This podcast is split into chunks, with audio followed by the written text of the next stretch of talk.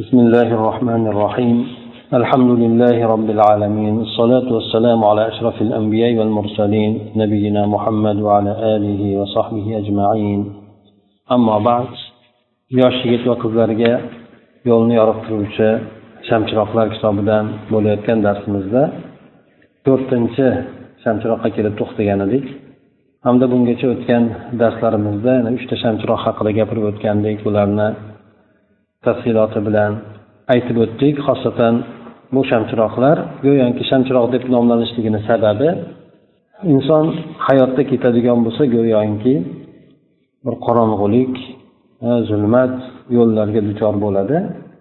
Ana o'sha narsalarda insonni yo'lini yorittiruvchi albatta shamchiroqlarga muhtoj bo'ladi.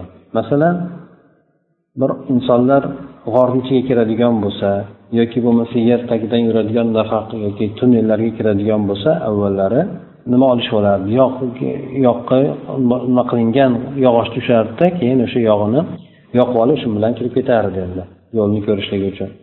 Ana o'shandek inson shunday zulmatga to'plangan zulmat qoplangan jamiyatda yurishligi uchun albatta ilmdan bo'lgan yoki din ilmidan bo'lgan chiroqqa muhtoj bo'ladi.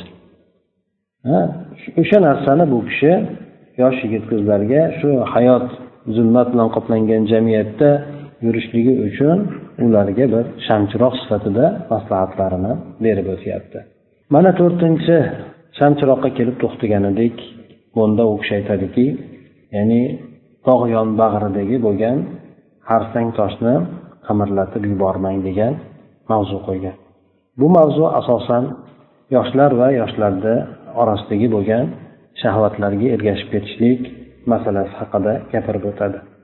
Ajoyib bir misol tamsil qilib qo'ygan bu yerda tog' yonbag'ridagi bo'lgan toshni qulatmang deb turib yoki qo'zg'atmang deb turib.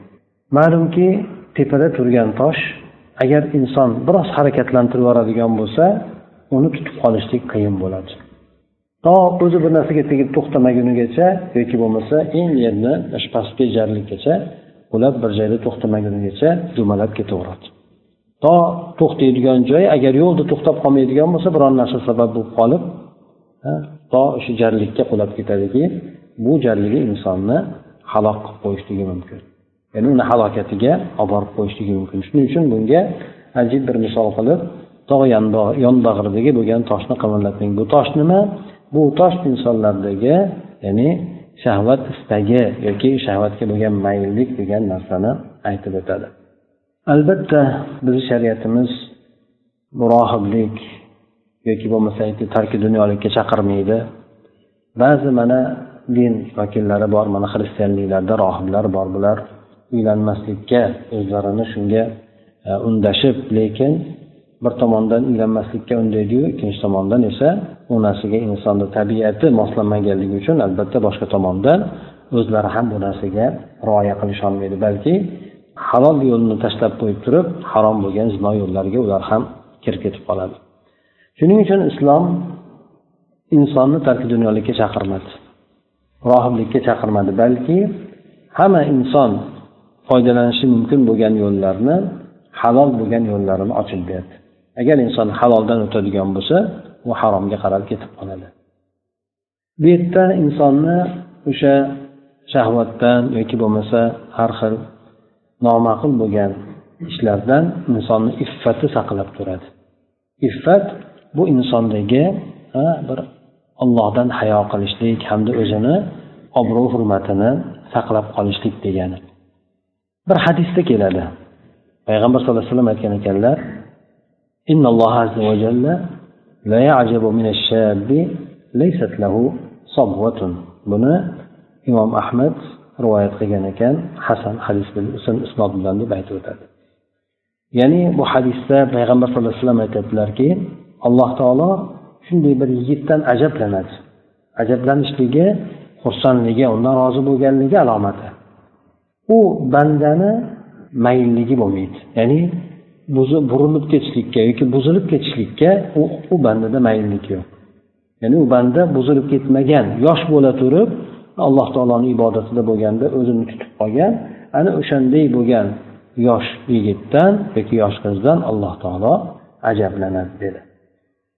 Albatta alloh taologa o'shandek to'g'ri yo'lda bo'lgan e, banda xosatan yoshlar judayam hurmatli bo'ladi. Bundan tashqari hadis sharifda ham keladi. Bu mashhur bo'lgan hadis alloh taolo soyasida ya'ni arsh soyasida soylantiradigan yetti toifani ichida yoshligidan ibodatda o'sgan o'smir deb keladi. Ibodatda o'sgan o'smir albatta o'zini tutib olgan o'zini ya'ni yurish turishini to'g'irlab olgan aytaylik o'zini bosib olgan mana shunday yigit bo'ladi. Ana o'shani alloh taolo demak arshni soyasida soya yo'q bo'lgan kunda soyalantiradigan kimsalarni orasida aytib o'tdi. Albatta bu yerda e'tibor berishlik kerak. Inson iffatini saqlaydigan bo'lsa bir qancha inson o'sha iffatini samaralarini yig'ib oladi. Bulardan birisi aytib o'tdik endi alloh taolo insonni maqtaydi insondan ajablanadi rozi bo'ladi. Bu judayam katta inson agar biladigan bo'lsa mukofot.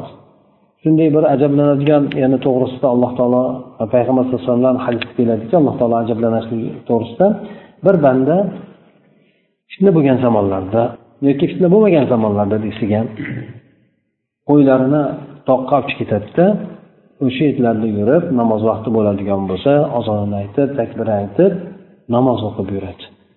Namoz vaqti bo'lgan paytda. Shunday bo'lgan bandadan alloh taolo ajablanadi deb keladi. Nimaga? Chunki bu inson tog'u toshlarni orasida bo'lgandan keyin odamlarni ko'zidan yiroq bo'ladi. Namoz vaqti kirgan paytida namozga ahamiyat berishligi demak haqiqatdan xudodan qo'rqqanligini alomati bo'ladi. Ana o'shandek inson bu yerda ham bir oldin haligi inson namozni ahamiyati to'g'risida gapirganimizda aytib o'tib ketgandik inson o'qishda bo'ladi yoki ishda bo'ladi. Ana o'shanday bo'lib turgan paytlarida atrofidagi bo'lganlar musulmon emas yoki musulmonlar ham namoz o'qimaydi. Demak o'zini inson o'zini muroqaba qilish kerak o'zini o'zi kuzatish kerak. Alloh taolo kuzatib turganligini o'zi his qilish kerak. Ana o'sha inson namoz vaqti bo'lib qolgan paytida tahoratini qilib takbir ayt ozon aytib yoki bo'lmasa takbir aytib namozini o'qiydigan bo'lsa albatta bu bandani holatidan ham alloh taolo ajrlanishligiga olib borishi mumkin. Sababi nimaga? Sababi aytganimizdek bu odam o'zini o'zi nazorat qilyapti allohdan qo'rqayotganligini alomati shuning uchun bu bandaga alloh taolo rozi bo'lishligi bu bandadan ajablanishligi buni esa mukofotini alloh taolo jannat qilib beradi. Ana o'shandek demak inson alloh taoloni maqtoviga erishishligi muvaffaqiyatni inson o'zida his qilishligi bu albatta inson iffatini saqlaydigan bo'lsa buni mukofotida kelar ekan. Yana alloh taolo agar e'tibor beradigan bo'lsak qur'oni karimda qod aflahal mu'minun surasini avvalda ya'ni mo'minun surasida qod aflahal mu'minun mo'minlar zafar topdi muvaffaqiyatga erishdi deb turib ularni bir necha sifatlarini aytib o'tadi. O'shalardan birida hum li furujihim hafizun illa ala azvajihim aw ma malakat aymanuhum fa innahum ghayru malumin ya'ni o'z avratlarini saqlaydigan kimsalar dedi. O'sha mo'minlar haqiqatdan muvaffaqiyatga erishadigan kimsalarni dunyo oxiratida muvaffaqiyatga erishadigan kimsalarni bular o'zlarini avratlarini saqlaydilar. Faqatgina alloh taolo halol qilgan kimsalar bundan mustasno. O'zini ayollari bo'lsin yoki qul qo'l cho'rilari bo'lsin. Bunda inson Э, ma'zur bo'ladi shu narsalarda ruxsat berilgan bo'ladi. Endi kimki bundan ortig'ini istaydigan bo'lsa bular haddan oshgan kimsalar bo'ladi. Demak bu yerda ana ularni borib borib turib qayerda ergashish qayerda mukofotni olishadi? Ular qanday buni samarasiga erishadi? Ana o'shalar merosxo'r bo'ladi qattiq merosxo'r bo'ladi. Ular jannat firdavsni merosxo'ri bo'ladi. dedi demak inson iffatini saqlashligiga alloh taolo yana boshqa yana bir kishi sifatlarni qo'shib qo'yishligiga jannat firdavsni va'da qilyapti. Ekan bu ham inson o'sha yoshligidan inson e'tibor berib o'zini nimasini saqlaydigan bo'lsa iffatini saqlaydigan bo'lsa albatta bu narsaga mukofotini oladi. Yana undan tashqari inson xotirjamlikni ham his qiladi. Agar iffatini inson saqlaydigan bo'lsa xotirjamligini his qiladi. Bu yerda mana qur'onda keladiki فمن تبع هداي فلا خوف عليهم ولا هم يحزنون kimki men yuborgan hidoyatga ergashadigan bo'lsa bular adashib ketmaydi hamda bular bular hech qanaqangi ular kelajakda qo'rquv ham yo'q o'tgan narsasidan qayg'urmaydi ham dedi demak alloh taolo yuborgan din asosida hidoyat asosida inson hayotini kechirar ekan bu insonni oqibati yaxshi bo'lishligi bor xotirjam oqibatdan xotirjam bo'lishligi bor yana undan tashqari boshqa oyatda ham keladiki ومن أعرض عن ذكري فإن له معيشة ضنكا ونحشره يوم القيامة أعمى ya'ni kimki bizni zikrimizdan dinimizdan qur'onimizdan yuz o'giradigan bo'lsa bularni siqintilik hayoti bo'ladi dedi qiyomat kunida bularni amo suratda tiriltiramiz dedi siqintilik hayoti kim uchun bo'lar ekan ya'ni islom shariatiga binoan yashaymaydigan odamlar uchun bo'ladi buni teskarisi islom shariatiga binoan yashaydigan odamlar uchun nima bo'ladi albatta bular uchun siqintilik hayoti emas balki xotirjamlik hayoti bo'ladi. Bu ham o'sha inson iffatini saqlashligi oqibatida erishadigan mukofotlardan birisi bo'ladi.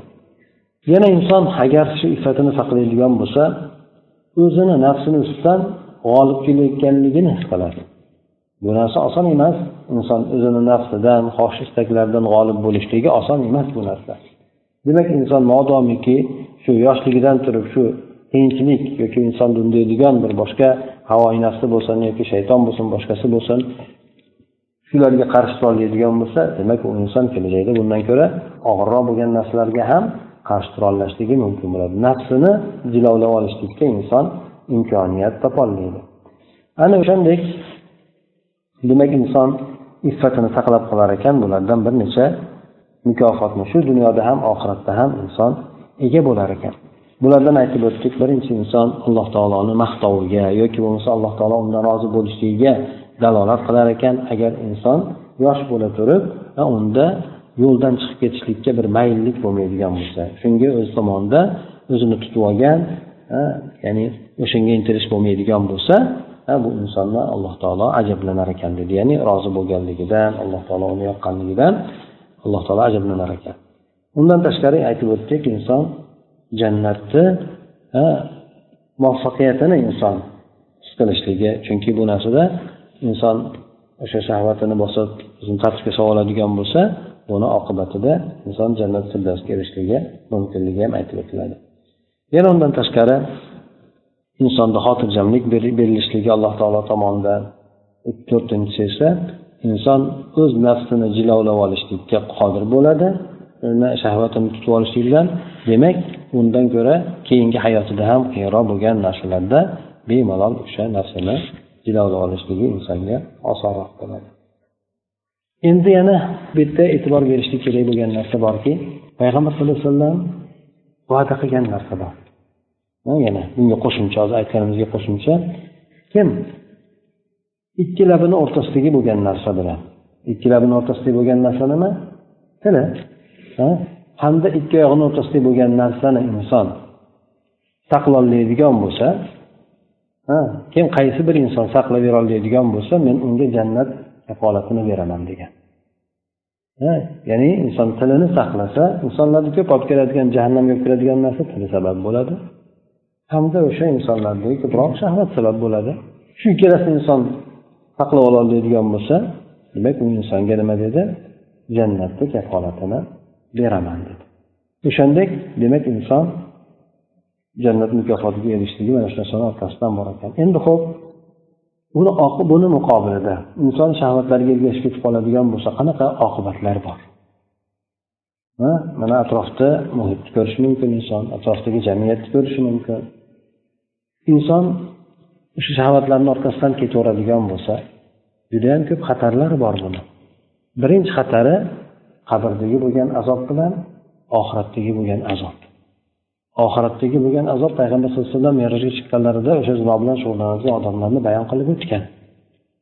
Qanday azob tortishligini undan tashqari yana zino bilan shug'ullanadigan odamlarni judayam qattiq azob va'da qilinganligi do'zax azobi va'da qilinganligi ham aytib o'tiladi bu yerda. Yana undan tashqari shu bilan shug'ullanadigan odamlarni dunyodagi oqibati ham ma'lum. Agar oilali bo'ladigan bo'lsa toshbo'ron qilib o'ldirilishligi agar oilali bo'lmaydigan bo'lsa ham u odamni yuz zarra urib bir yilga surgun qilinishligi o'sha yashayotgan muhitidan boshqa joyga surgun qilib yuborilishligi yana undan tashqari e, oyatda ham keladiki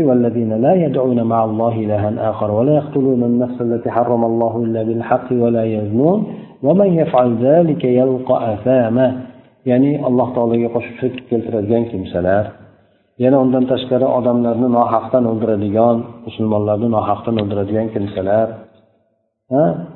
Yana zinodan allohga shirk keltirdi ibodir rahmonni alloh taoloni yaqin bo'lgan bandalarni sifatida keltiradiki bular alloh taolo shirk ham keltirmaydi insonlarni mo'minlarni nohaqdan ham o'ldirmaydi zinoya ham qilishmaydi dedi. Undan keyin aytdiki kimki mana shu ishlarni qiladigan bo'lsa yo shirk keltiradigan bo'lsa yoki odamlarni haq o'ldiradigan bo'lsa yoki zino qiladigan bo'lsa ya'ni bu odamlar o'sha nimasiga gunohiga uchraydi. Qiyomat kunida ularga azoblar bir necha barobar qilib beriladi hamda va o'sha do'zaxda xorlangan holatda qoladi dedi. Demak o'shalarni orasiga zino qilishlikni ham kelgusi o'tib ketdi. Demak inson birinchi yo'liqadigan xatari oxirat azobi hamda unga ergashadigan do'zax azobi ham bor. Yana inson bu dunyoda xatarlaridan ayollar fitnasi xatarga yo'liqib qolishligi inson. Shayton asosan shaytonni insonni adashtirishlik uchun yo'llari ko'p. Shulardan bittasi ya'ni tuzoqlardan bittasi ayollar bo'ladi. Ayollar orqali insonni adashtirishligi osonroq bo'ladi. Shuning uchun payg'ambar sallallohu alayhi vasallamdan hadisda ham keladiki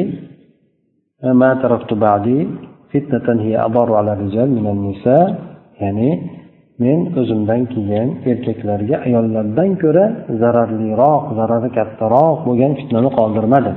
Ya'ni payg'ambar sallallohu alayhi vasallamdan keyin erkaklarga eng katta fitna bo'ladigan narsa ayollar ekanligi to'g'risida bayon qilib o'tib ketgan bu hadisni imom buxoriy bilan imom muslim rivoyat qilgan ekan. Ana o'shandek shayton ham aytadiki yana قال فبما أغويتني لأقعدن لهم صراطك المستقيم ثم لآتينهم من بين أيديهم ومن خلفهم وعن أيمانهم وعن شمائلهم ولا تجد أكثرهم شاكرين يعني shayton aytadida parvardigor deydi alloh taologa aytadiki sen meni adashtirganliging sababli ya'ni allohga davo qiladi sen meni adashtirding deb sen meni adashtirganliging sababli men hali ularni to'g'ri yo'lni ustida o'tirib olaman odamlarni ha mo'minlarni to'g'ri yo'lni o'tirib olamanda keyin oldidan ham kelaman orqasidan ham kelaman o'ng tomondan chap tomondan kelaman adashtirishlik uchunda. Keyin bandalaringni ko'pchiligini shukur qilgan holatda topmaysan dedi alloh taolo. Demak hamma tomondan men adashtirishlikka harakat qilaman dedi. Shayton. O'shalardan bittasi aytib o'tdik. Bularni tuzoqlaridan eng katta tuzoqlardan bittasi o'sha ayollar bo'ladi. Payg'ambar sallallohu alayhi vasallamni hadisini ham aytib o'tdik. Keyin lekin e'tibor berish kerak. Shaytonni birdaniga bitta katta bo'lgan gunohga olib borib qo'ymaydi. Sekin darajama daraja qadamma qadam olib ketib qoladi. Shuning uchun mana bir oyatda keladiki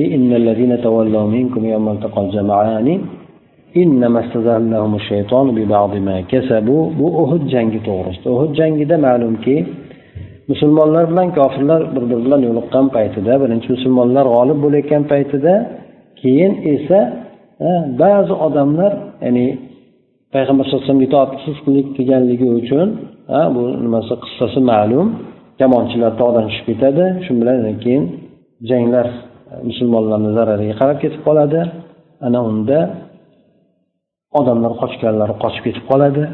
O'shanday bo'lgan paytda. Shunda aytadiki ya'ni sizlardan o'sha ikkita jamoa musulmonlar bilan kofirlar bir biriga yo'liqqan paytida burilib ketib qolgan odamlar orqasiga qarab qochib ketib qolgan odamlar bularni shayton ba'zi qilgan ishlari sababli yo'ldan urdi degan. Ba'zi qilgan ishlari sababli ularni yo'ldan urdi. Ya'ni ba'zi qilgan ishlari sekin sekin oq shayton ularni katta bir narsaga tiqib qo'ydi. Chunki jangdan qochishlik bu gunoh kabira hisoblanadi. Ularni ba'zi oldin qilib yurgan ishlari sababli shayton ularni katta bir gunoh kabira bo'lgan narsaga yoki halok qiluvchi bo'lgan katta gunohlarni bittasiga ularni kirgizib qo'ydi. Jang maydonini tashlab turib qochib ketishlik bu narsa yettita halok qiluvchi katta gunohlardan bittasi hisoblanadi. Shunday demak shayton birinchi odamni birdaniga nima qilmaydida balki inson ko'proq e'tibor bermagan yengil deb qaragan narsasidan boshlab turib adashtirib ketib qoladi. Shuning uchun aytishadiki shaytonni nimasida? Olib keladigan narsasi birinchi insonda nimani hop hayolni paydo bo'lishlik birinchi nazar qarashligi bir qarashlik ya'ni ayollarga boshqalarga qarashlik undan keyin hayol kelishligi hayol fikrga aylanishligi undan fikr esa bir e, niyatga aylanishligi qasdga aylanishligi ana undan keyin u narsa azimaga ya'ni qat'iyatga aylanishligi undan keyin esa o'sha inson amalni ijro qilishligiga shunga olib borib qo'yadi. Shuning uchun qur'onda keltirib o'tadiki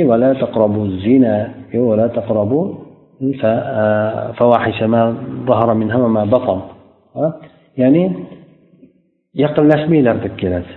Zino qilmanglar emas balki ba'zi oyatlarda o'sha zinoga yoki fohisha buzuqlik bo'lgan narsalarga yaqinlashmanglar dedi. Yaqinlashmanglar degan o'shanga qarab yurmanglar birinchi nuqtasidan o'zinglarni orqaga tortinglar degani bo'ladi. Albatta bitta bir misol borki masalan ba'zilar aytishi mumkin insonni masalan biz dindan boshqa bo'lgan yoki dinni qoralaydigan odamlar aytadiki musulmonlardagi hamma erkinligini nima qo'yadi to'sib qo'yishadi bular. Musulmon odam erkin bo'lishi kerak xohlagan ishni qilishi kerak. Go'yoki bir olimchi misol keltiradiki. Ho'p masalan siz bir yo'lda ketayotgan bo'lsangiz yo'lda bir qabrdek e, kichkina bir lavhani ko'rdingiz deydi. Bu yo'ldan yurmagin bunda xatar bor degan. Ya'ni yo'l yomon inson halok bo'lishi mumkin yoki bo'lmasa chuqurligi bor boshqasi bor xullas kalom yoki bo'lmasa bu minalashtirilgan yo'l deyishi mumkin mina qo'yilgan yo'l ho'p nima qiladi? Endi o'sha yozib qo'ygan odamga demak u odam ichida qalbida nafrat uyg'onadimi u odam yozib qo'ygani uchun? Yoki bo'lmasa u odamni bu yerda halokatdan ogohlantirayotgan odamni yoki halokatdan ogohlantirayotganligini meni erkinligimni to'sib qo'ydi bu odam deb o'ylaydimi? Ha meni bemalolchilikni erkinligimdan to'sib qo'ydi deb o'ylaydimi? Ha demak balki erkinligidan to'sib qo'ygani yo'q balki bu nima qildi? Salomatligini saqlashlik uchun ogohlantirib qo'ydi. Bunga u odam unga rahmat aytishlik kerak. Ana o'shandek din insonlarni halok bo'lib ketadigan narsadan ogohlantirib qo'ydi. Alloh taolo ularni o'sha erkinligini to'sib qo'ygani yo'q balki ularni salomatligiga butun diniga nasl nasabiga zarar yetkazadigan katta bir narsadan ularni ogohlantirib to'sib qo'ydi. Ana o'shandek bu nimani e, shahvatlarga ergashib ketishlikni katta bir xatarlari bor. O'sha xatarlardan yana birisi insonni qalbi burilib ketib qolishligi ham bo'ladi. E, qalbi burilib ketib qolishligi ham bo'ladi. Bu yerda oyat karimada keladiki alloh taolo yuborgan hidoyatsiz havoyi nafsiga ergashib ketadigan kimsalardan kim ham gumrohroq dedi.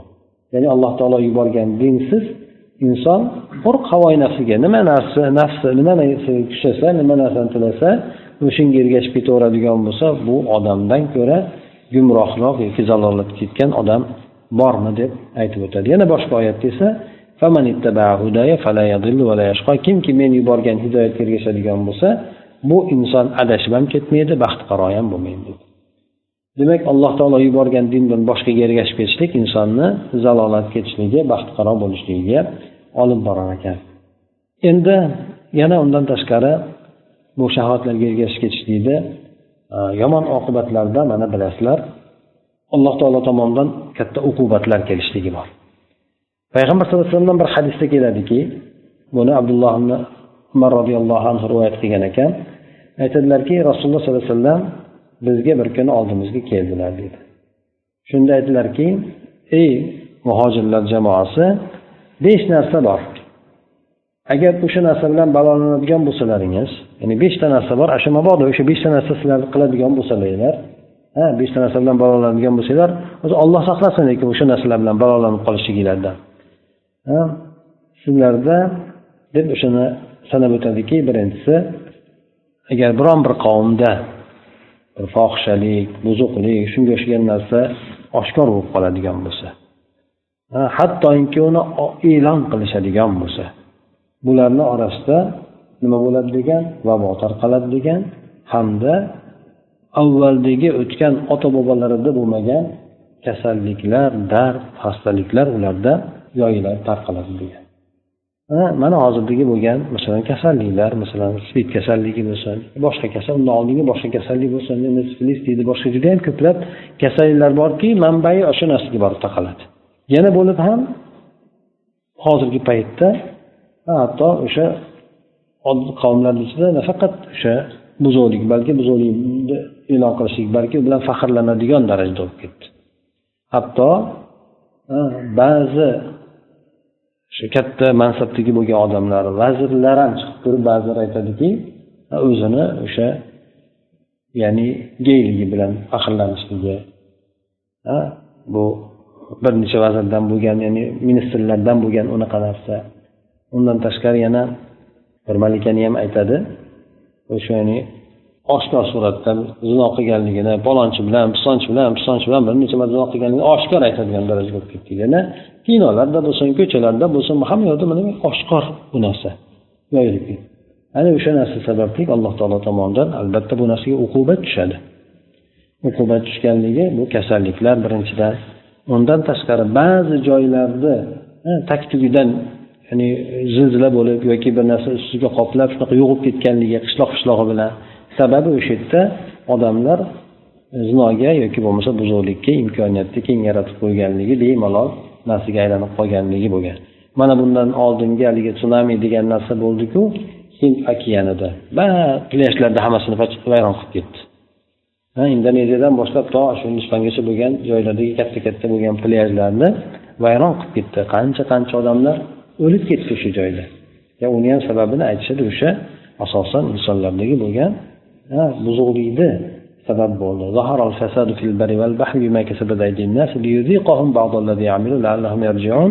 Ya'ni yerdayu suvlikdayu quruqlikda nima? Fasod zohir bo'ldi. Buzuqlik zohir bo'ldi. Ya'ni fasod deganda vayronagarchilik zohir bo'ldi. Alloh taolo ana shuni oqibatida ularga bir azoblarni torttirib qo'yishlik uchun shoir shu bilan ular orqasiga qaytsa degan nimani aytib o'tdi. Demak o'shandek e, beshta narsani bittasida payg'ambar alayhissalom o'sha buzuqlikni aytib o'tgan ekan. Agar shu qavmni ichida tarqab ketadigan bo'lsa oshkor bo'lib ketadigan bo'lsa hattoki uni e'lon qilib u bilan faxrlanadigan shunaqangi qonunlarga kiritib bu narsalar tasdiqlanib ketadigan bo'lsa bu buzuqlikni ya'ni oqibatida judayam katta alloh taolo tomonidan bo'ladigan azoblar kelishligi to'g'risida bayon qilib o'tgan ekan. Ana o'shandek kasalliklarni o'zini qaraydigan bo'lsanglar necha million million bo'lgan odamlar spid bo'lganligi yana necha qancha qancha million bo'lgan odamlar siflis kasalligi bo'lganligi zahm kasalligi deb qo'yadi o'sha nimani oqibatida yuqumli bo'lgan kasalliklar oqibatida. Bu narsalar demak insonlarni katta bir halokati bo'ladi. Hattoki u narsa shulardan kasofatiga boshqalarga ham o'tib ketganligi masalan bolalardan ham qancha qancha millionlab bo'lgani o'sha zinodan tug'ilgan yoki zinoda ta'sirlanib qolgan boshqalarga ham ulardan kasofati urib ketadi. Endi bu buzuqlikka boradigan narsa nima insonni nima uchun buzuqlikka borib qoladi? Endi biz kofirlar haqida gapirmaymiz chunki ular bu narsa ularni ya'ni hayvonligi bunday aytganda xohishi istagi nima bo'ladigan bo'lsa shu narsani qilib ketishligi lekin musulmonlarda nima narsa u narsaga olib borib qo'yadi? Bu birinchidan olib borib qo'yadigan narsa iymon tomonidagi zaifligi bo'ladi. Iymon zaifligi bo'ladi. Shuning uchun hadisda keladiki la yazni zani hina yazni va huwa mu'min. Mo'min bo'lgan holatda zino qilayotgan odam mo'min bo'layotgan holatda zino qilmaydi dedi. Ya'ni iymoni buti bo'lib turgan paytda u odam u ishni qilmaydi dedi. Qachonki iymoni zaiflashib ketib qoladigan bo'lsa keyin keyin u narsaga o'tib ketib qoladi dedi. Yana sabablardan birisi do'stlarini yaxshi emasligi. Atrofidagi bo'lgan o'rtoqlarni do'stlarini yaxshi emasligi. Shuning uchun mana hadisda ham keladiki inson do'stiga qarasin chunki do'stini inson axloqida bo'ladi dinida bo'ladi. Nima bo'ladigan bo'lsa shunaqa bo'ladi. Shuning uchun u kim birovni kim do'st bo'layotgan bo'lsa o'sha do'stiga qarasin deydi. Shuning uchun masalan ko'pincha narkotikka kirib ketib qoladigan bo'lsa yoki buzuqlikka kirib ketib qoladigan bo'lsa boshqa qancha qancha ishlar kirib ketib qoladigan bo'lsa atrofidagi bo'lgan do'stlari sherik sabab bo'ladi. O'shalarni qiziqtiruvi bilan boshqasi bilan narkotikka o'tirib qolgan yoki boshqa shu kirib ketib qolgan mana shu narsalarni sabablari shular bo'ladi. Shuning uchun qur'onda ham keladi koshki men falonchini o'rtoq qilib olmaganim deydi deb inson afsus nadomat qiladi. Nimaga? Chunki yomonlikka borib qo'yganligi uchun bo'ladi.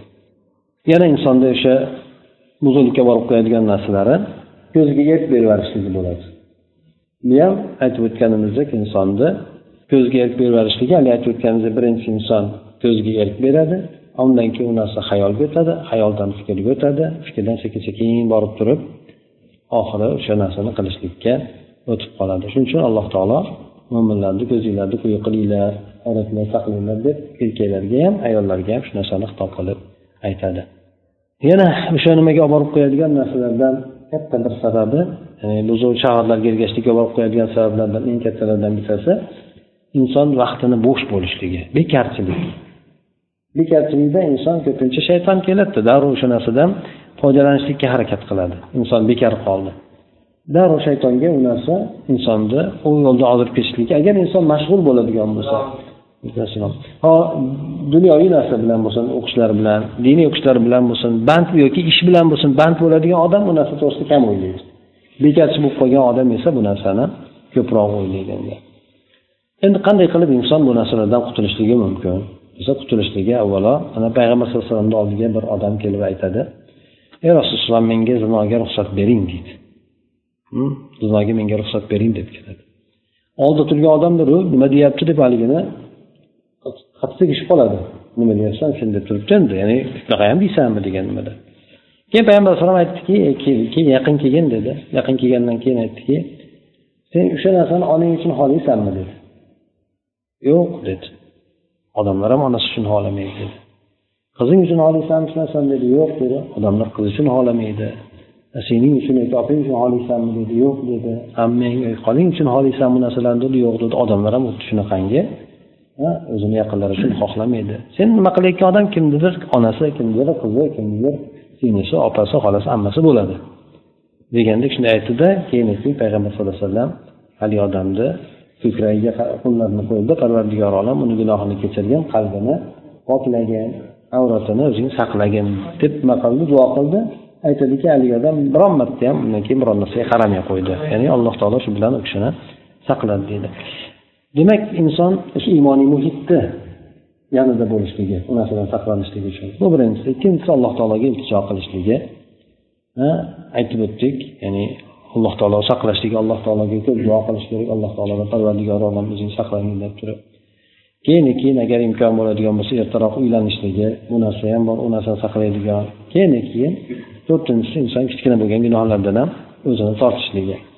Ya'ni hadisda kelar ekan shayton sizlarni yeringlarda ibodat qilinishidan nomud bo'ldi lekin sizlar arzimaydigan arzimas sanaydigan narsalarga ham rozi bo'ldi degan ekan. Shayton sizlarni joyinglarda ibodat qilinishlikdan nomud bo'ldi. Hech kim shaytonga ibodat qilmaydi shirk qilmaydi. Lekin uni u rozi bo'ldi. Nimaga rozi bo'ldi? Sizlar arzimas sanaydigan gunohlarga rozi bo'ldi. Ha kichkina gunoh mayli o'shani o'shani qilishsa ham yetadi dedi shayton. Ya'ni o'shandan ilib tuzoq qilib olib ketaveraman deganda bu endi. Birdaniga o'sha shaklga shart emas shuning uchun payg'ambar alayhisalom aytganlari arzimas sanaydigan gunohinglardan e, ehtiyot bo'linglar. Chunki shunaqa kichkina bo'lgan gunohlar xuddi bir odamlarga o'xshaydiki bir vodiyga tushishadi. Unisi bitta cho'pab keladi bunisi bitta cho'pab keladi oxiri nonini ham pishiradi ovqatini ham pishirishadi. Ya'ni shunaqa qilib odam to'planib qolib halok qilib qo'yadi. Ya'ni o'sha gunoh kichkina gunohlar qachoniki to'planib qoladigan bo'lsa insonni halok qilib qo'yadi dedi. Yana undan tashqari inson o'sha solih bo'lgan odamlar bilan ko'proq yurib birga bo'lishligi ya'ni alloh taoloni dinida iloji boricha to'g'ri bo'lishlikka harakat qilishligi bu o'sha insonni shahvatlarga ergashib ketib qolishlikdan saqlar ekan. Mana shu demak biz aytib o'tganimiz xuddi go'yoki tosh degandek o'sha narsa toshdek turibdi. Tog' bag'rida inson tegmasa uni qo'zg'atmasa u turaveradi. Agar o'zi qo'zg'atib sabab bo'lib qoladigan bo'lsa shuni suradigan bo'lsa keyin uni tutolmay qoladi. Tepadan tushadigan toshni bilasizlar bitta o'zi kichkina tushmaydi. Judayam ko'p toshlarni katta bir narsani olib tushadi o'zi bilan birga. Ya'ni bo'lganda ham uni yo'lida ancha muncha narsa turib to'xtatib qololmaydi shuning uchun o'sha tosh tosh bo'yicha tursa o'sha toshga inson qimirlatmaslik kerak o'sha narsani insonni san'atlarga ergashtiradi deb aytib o'tadi. سبحانك اللهم وبحمدك نشهد أن لا إله إلا أنت نستغفرك ونتوب إليك. اللهم انفعنا بما علمتنا وعلمنا ما ينفعنا وزدنا علما.